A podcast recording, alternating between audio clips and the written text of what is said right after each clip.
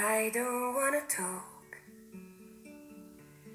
about the things we've come through, though it's hurting me.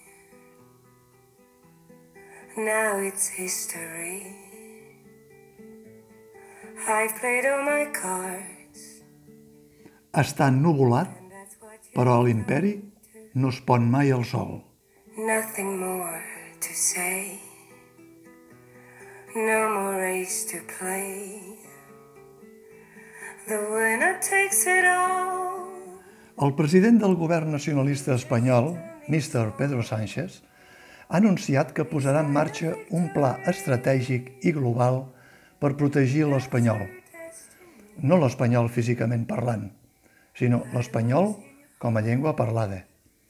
L'anunci, és clar, ve després que la candidata virtual a fer-li el llit, la presidenta de la Comunitat de Madrid, la mai prou caricaturitzada Isabel Díaz Ayuso, va muntar fa poc un despatx al trànsfuga i actor valencià, Toni Cantó, per gestionar una autoanomenada Oficina de l'Espanyol.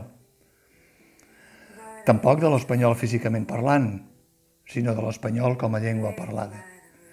Coincidint amb aquestes dues lloables iniciatives lingüístiques i culturals, la ministra espanyola del ram de l'educació, l'aragonesa Pilar Alegria, ha deixat anar que cal reactivar i reprotegir l'espanyol a les aules, sobretot en aquelles aules on s'entesten a parlar, llegir i escriure en altres llengües que no són l'espanyol. Aquests sobtats interessos lingüístics coincideixen amb el tort que el mateix govern nacionalista espanyol ha fet a les llengües cosines germanes del seu imperi, on, ni que estigui ennuvolat, no es pon mai el sol. El gallec, l'eusquera i el català, en l'esborrany de la llei de l'audiovisual que ha posat els fotogrames de punta als que s'hi dediquen.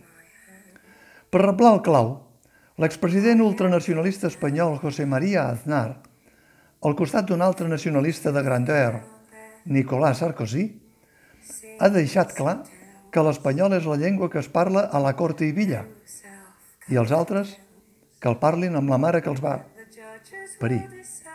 Segle XXI després de Crist.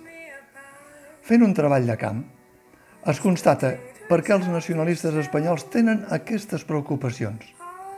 Fas un tom i trobes que no hi ha gairebé pel·lícules en espanyol a les sales de cinema. No hi ha canals de televisió en espanyol ni a la TDT, ni a la fibra, ni als satèl·lits, ni a les plataformes digitals. No se sent gairebé parlar espanyol en cap lloc. Quan algú entra en un bar i demana, per exemple, un cortado, li responen amb cara de lluç, «Com?» Com si parlessin d'aquell llac.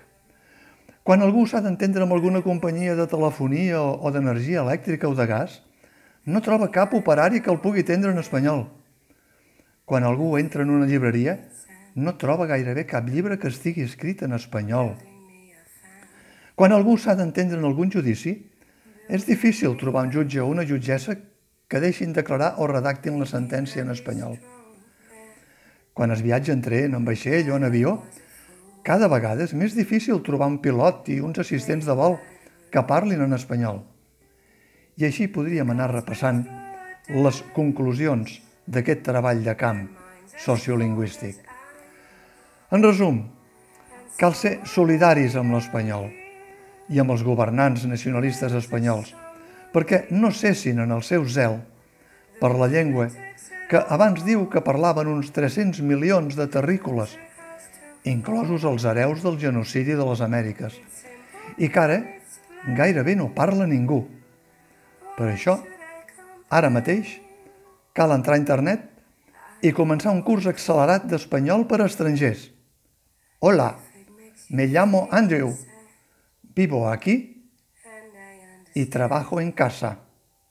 ¿Me pone un chocolate con churros, por favor? I apologize if it makes you feel bad.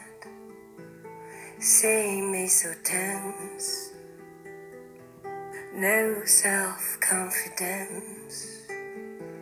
The judges will decide. the likes of me abide, spectators of the show, always staying low. The game is on again a lover or a friend, a big thing or a small.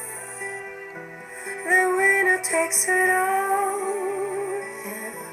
The winner takes it all. Mm -hmm. The winner takes it all.